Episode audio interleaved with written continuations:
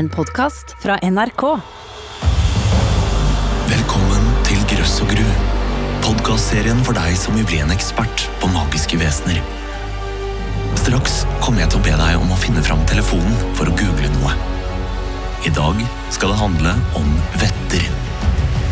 Disse små vesenene har alltid likt å blande seg inn i livene våre. Noen hevder faktisk at de fortsatt gjør det. Og det er her din bil kommer inn. Men aller først litt fakta. Vetter. Kategori jordeiere. Kollektivvesen. Farlighetsgrad som oftest ufarlige, men kan stelle i stand problemer hvis de er misfornøyde. Kjønn. Både kvinnelige og mannlige. Beskrivelse bestemmer over jordområder i nærheten av menneskene. Lever i familier under bakken, gulvplanker eller trær. Hvis de blir forstyrret, kan de gjøre mennesker syke eller fattige. Kan belønne mennesker som er vennlige og hjelpsomme. Kjennetegn. Ser ut som oss mennesker, bare at de er veldig små. De fleste er gråkledde, men noen kan ha innslag av fargerike klesplagg. Vetter har menneskelige trekk og liker å holde seg i nærheten av der vi mennesker bor, i store familiegrupper. Noen er snille og gode, andre mer eh, ondskapsfulle. Felles for dem er at de alltid er uberegnelige, lunefulle og svært nærtagende. Det skal ikke mye til for å såre eller fornærme en vette, for å si det sånn. De har en merkelig sans for humor, og elsker eh, pranks. Nå skal du få høre et kjent sagn fra Sverige om hvordan det kan gå hvis du ikke respekterer vettene.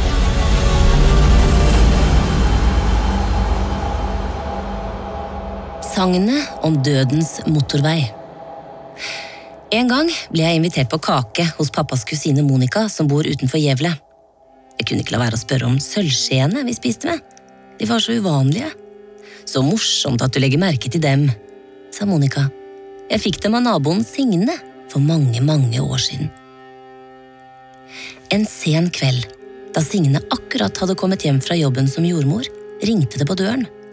Ute på gårdsplassen sto det en mann som vinket på henne for å få henne til å følge med. Han ropte at det gjaldt liv eller død. Mannen tok henne med til baksiden av huset. Der åpnet han en liten dør hun aldri hadde sett før, selv om det var hennes hus. Da hun gikk inn døra, måtte hun bøye seg nesten dobbelt. Det trengte ikke mannen. Først da så hun hvor liten han var. Mannen tok henne med gjennom noen fine rom. Til slutt kom de til et soverom der kona til mannen lå og skulle føde. Signe og mannen hjalp til, og kvinnen fødte to friske tvillingjenter. Etterpå, da Signe omtumlet og trøtt skulle gå hjem, ga mannen henne en kurv med epler. Signe sa det var unødvendig, men mannen ville absolutt at hun skulle ta kurven. Signe gjorde som han sa. Så gikk hun hjem og stupte i seng. Morgenen etter oppdaget hun tolv sølvskjeer som var pakket inn i et tøystykke under eplene i kurven. Det var disse sølvskjeene, sa pappas kusine Monica og holdt opp en skje foran meg. Det var selvfølgelig en vettefamilie Signe hadde hjulpet. Den lille døra på baksiden av huset så hun aldri igjen. Først visste jeg ikke helt hva jeg skulle tro, for Monica kan være litt av en luring. Men det Monica så fortalte, overbeviste meg om at det hun sa var sant. Noen år etter at Signe døde, ble huset hennes revet for å gi plass til en motorvei som skulle gå rett over tomta hennes. Og akkurat denne veien, midt mellom Skarvberget og Bjørke, har i alle år senere vært Sveriges mest ulykkesbelastede motorvei. Avisen har skrevet masse om det. Bare å google, så får du se. Og den gamle kvinnen som har skrevet til Vegvesenet og sagt at de mange bilulykkene skyldtes sinte vetter som bor der, og at Vegvesenet må legge veien et annet sted, det er pappas kusine Monica. Nå tenker du kanskje at dette bare er et sagn. Men ta og google veistrekningen mellom Skarvberget og Bjørke i Sverige. Det er jo litt creepy. Før jeg forteller videre om vettene, tar jeg en liten faktastopp. Før i tiden trodde folk på magiske ritualer. Det kunne være svart og hvit magi, det vil si beskyttende eller skadelig magi. Denne uka Svarteboka. Svarteboka var en instruksjonsbok i svarte kunster. Hvordan man skulle lykkes med magi, lege sykdommer eller skade andre. Man kunne få råd om hvordan man ble usårlig, slik at verken hogg, stikk eller kuler skulle bite på en. Hvordan man skulle vinne i spill. Hvordan man skulle få noen til å bli forelsket igjen. Hvordan man kunne bli kvitt tannpine. Åpne låser. Eller avsløre en tyvs ansikt i et kar med vann. Det ble sagt at den beste svarteboka var den som ble overrakt av djevelen selv. Hvis en ukyndig kom til å lese boka, ville han eller hun påkalle djevelen og virkelig bli satt på prøve, ved for eksempel å bli pålagt umulige oppgaver som å telle sandkornene på stranda, øse en fjordarm tom for vann, flette et tau av sand eller rette ut et kjønnshår. Det var viktig å kvitte seg med svarteboka før man døde, og det nyttet verken å brenne eller drukne den. Den ville alltid komme tilbake. Det var bare dette som nyttet. Selg den for mindre penger enn den var kjøpt for. Kast den i en elv som rant mot nord, eller mur den inn i muren rundt en kirkegård. Tilbake til vettene. De bodde nær menneskene under bakken og så ut som mennesker, bare veldig små. Som oss bodde de i familier og dyrket jorden, hadde husdyr, brygget øl, feiret bryllup og arrangerte begravelser. Det fortelles at vettene kunne belønne menneskene så de fikk oppfylt ønskene sine og bli rike hvis de var vennlige og hjelpsomme. Men hvis vettene ble forstyrret eller kjente seg truet, kunne det bli bråk. Noen ganger nøyde de seg med å spenne bein, bite noen i nesa mens de sov, eller komme som usynlige gjester i selskapet og spise opp all maten.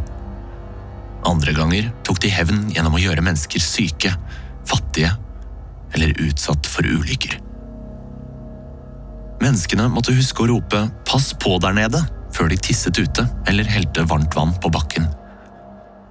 Det var også viktig å behandle små dyr med respekt, for noen ganger kunne vetter forvandle seg til padder, frosker, pinnsvin, maur eller til og med meitemark. Man skulle heller ikke gå midt i veien, for der skulle vettene gå. Det var også viktig å passe på hvor man bygde hus, spesielt fjøs. Hvis kuenes tiss og bæsj rant ned til der vettene bodde, måtte man flytte hele fjøset. Ellers ville vettene brenne det ned. Noen ganger skjedde det at mennesker og vetter giftet seg med hverandre. Da var det viktig at menneskene behandlet vetten bra. I et sagn fortelles det om en mann som prøvde å skyte vettekona si. Da fanget hun kulen i lufta og slengte den tilbake på mannen, sånn at han døde. Hvis det var noe blivende foreldre var redde for før i tiden, så var det byttingen. Akkurat som troll kunne vetter røve menneskebarn gjennom å bytte dem med egne unger. Slike barn kaltes byttinger. Først merket ikke menneskene at det var noe rart med barnet, men etter en stund forsto de at det var en bytting. Det fortelles at slike barn var sjeløyde, hadde store hoder, vokste lite selv om de spiste unormalt mye og aldri lærte seg å gå eller snakke. I et sagn fra Gudbrandsdalen fortelles det om et nyfødt tvillingpar. En kone på en liten gård hadde akkurat født ei jente. Hun var så sliten etter fødselen at hun sov mye. Da hun våknet litt utpå dagen noen dager etter fødselen, så hun at det lå to jenter i vogga. De var så prikk like at hun ikke klarte å se hvem av dem som var hennes. Kona skjønte jo at en av dem kom fra de underjordiske, men siden hun ikke klarte å se forskjell på dem, ble det til at de vokste opp som tvillinger. Ingen klarte å skille dem fra hverandre. De var like både inni og utenpå. Da jentene var blitt ungdommer, kom det en fremmedkar til gården. Noe så likt har jeg aldri sett, sa han. Man trenger i hvert fall ikke lure på om dette er tvillinger. Det tror alle, sa kona men sånn er det nok ikke. Den ene har jeg født, men den andre hører de underjordiske til. Ah, hadde jeg bare visst hvem som var hvem. Det skal du snart få vite, sa mannen. Så ba han jentene om å sette hver sin svære brøddeig. Mens de holdt på med det, gikk han ut og fanget noen hoggorm. Da han kom tilbake, spurte han om jentene kunne være snille og bære inn sakene hans fra hestekjerra. Mens de var ute, smuglet han hoggormene inn i de to brøddeigene. Jentene kom inn igjen og fortsatte å kna hver sin brøddeig. Hjelp! Ropte den ene jenta da hun oppdaget ormene, og sprang bort fra deigtrauet så fort hun kunne. Det var da veldig til liv i denne deigen, da, sa den andre, og fortsatte å kna så hun nesten moste de stakkars hoggormene. Der har du datteren din, sa mannen og pekte på den redde jenta. Og ikke før han hadde sagt det, så var den andre jenta borte. De så henne aldri mer igjen. Sagn om byttinger kunne gi svar på hvorfor noen barn så annerledes ut eller ikke utviklet seg normalt. Disse byttingene kunne bli slått, kastet på søppelhaugen eller lagt på en bakespade og skjøvet inn i en glovarm ovn. Dessverre fins det bevis for at sånne forferdelige ting har skjedd. For å beskytte barnet mot å bli tatt av vettene kunne man legge en gjenstand av stål i senga til barnet. Man skulle også døpe barnet så fort som mulig, siden det ble sagt å gi beskyttelse. Før dåpen måtte man aldri la et barn være alene. Men uansett hvor forsiktig man var, kunne man aldri være helt sikker. Vetter og troll var ofte usynlige, eller de kunne forvandle seg til skygger og bytte ut barnet når man minst ventet det. Man trodde også at mennesker og dyrene deres kunne bli bergtatt av vettene, det vil si innestengt under bakken eller i fjellet. Der kunne man bli sittende innesperret i kortere eller lengre tid, og i verste fall resten av livet. De mest utsatte var kvinner som nettopp hadde født, og ikke hadde rukket å stå inngangskone for presten ennå. Det var et kristent ritual for kvinner seks uker etter fødselen. En måte å beskytte seg mot bergtagning på kunne være å si Guds ord, eller gjøre korsets tegn. Troen på vetter kunne forklare uhell, for eksempel hvis man hadde mistet noe. Da var det enklere å skylde på vettene enn å innrømme at man var en rotekopp. Fortellinger om vetter og troll har mye til felles, men én ting skiller disse to vesenene fra hverandre. Vettene er mye mindre. Selv i dag finnes det folk som tror på vetter, spesielt på Island. Der hender det myndighetene tar hensyn til vettene når hus og veier bygges. Det finnes veier som har fått en ekstra sving rundt steder der det sies at det bor vetter. Men ikke bare på Island. Nå skal du få høre en historie fra våre trakter, om en familie som kanskje har vært forfulgt gjennom flere tiår. I fjor sommer så lånte samboeren min og jeg en hytte av noen venner en uke. Det var koselig, en gammeldags hytte som lå ved et vann i skogen. Og en kveld så satt sønnen min Simen på fire og jeg og så på en film på iPaden.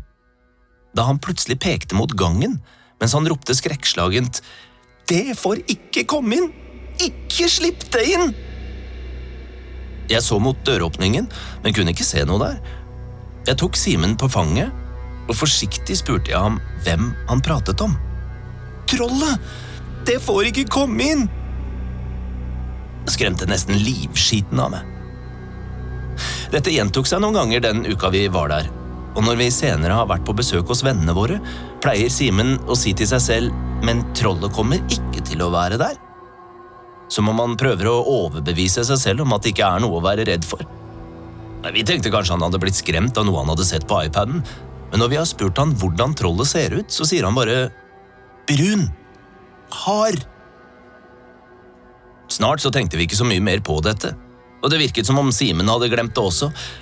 Så skjedde det noe som gjorde at hårene reiste seg i nakken på meg. Da mormor måtte flytte på sykehjem for en stund siden, måtte familien rydde ut av leiligheten hennes. Mormor var glad i å male, og blant tingene hennes fant vi en mappe med gamle akvareller. Jeg bladde kjapt gjennom bildene for å vurdere om vi skulle beholde noen av dem, da øynene mine falt på en liten akvarell med et naturmotiv i duse, utflytende farger, sånn at det var vanskelig å skille ut detaljer. Men jeg visste hva jeg så. Midt i alt det pastellvakre var det en brun figur. Det var nesten som man skulle tro at noen hadde sølt en klatt brunmaling, hadde det ikke vært for to kritthvite prikker i det brune, laget ved at kunstneren omhyggelig hadde skrapt bort brunfargen akkurat der. To hvite øyne. Og jeg hadde sett dem før. På 50-tallet fikk morfaren min bygd en hytte på en gammel setervoll. Denne setervollen lå helt fantastisk vakkert til.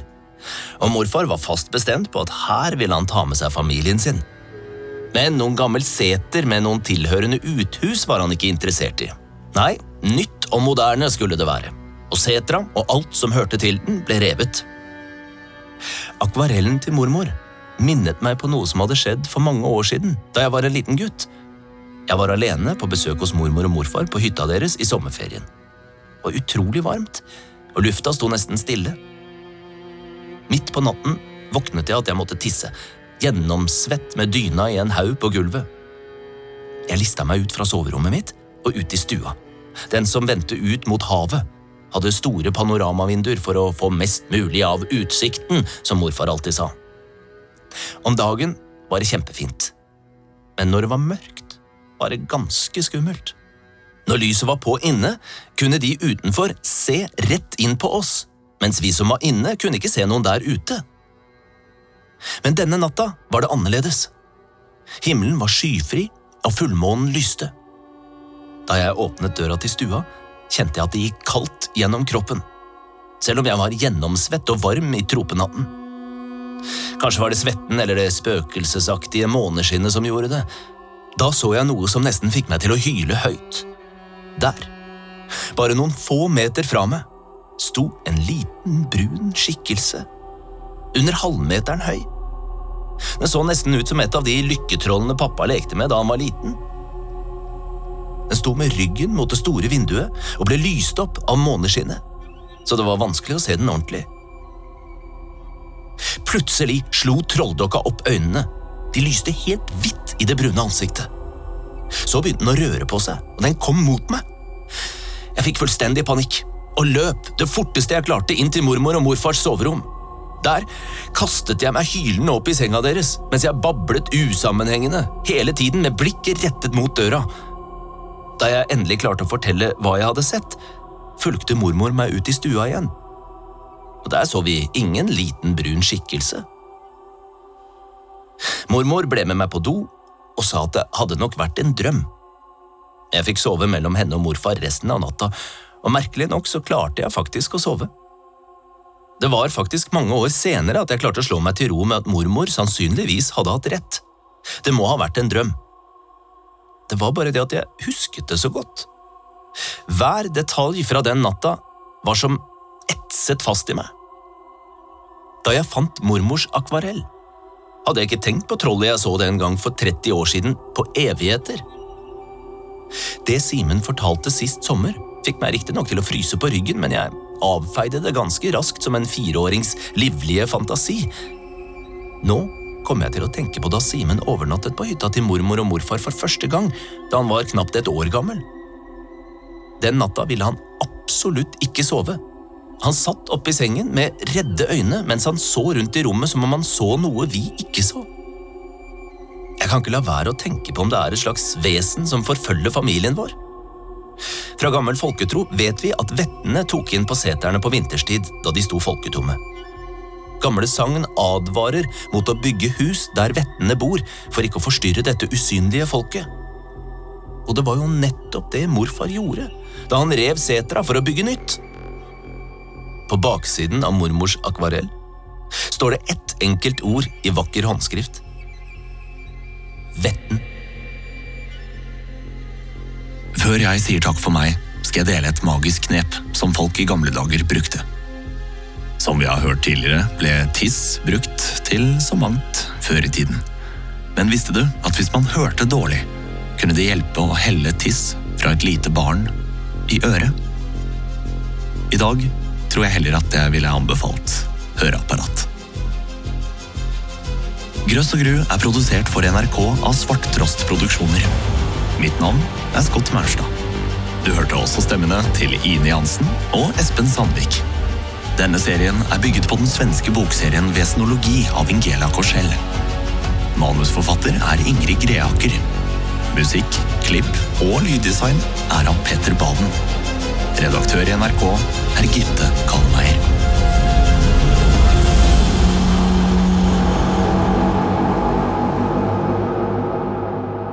Du har hørt en podkast fra NRK. Hør flere podkaster og din NRK-kanal i appen NRK Radio.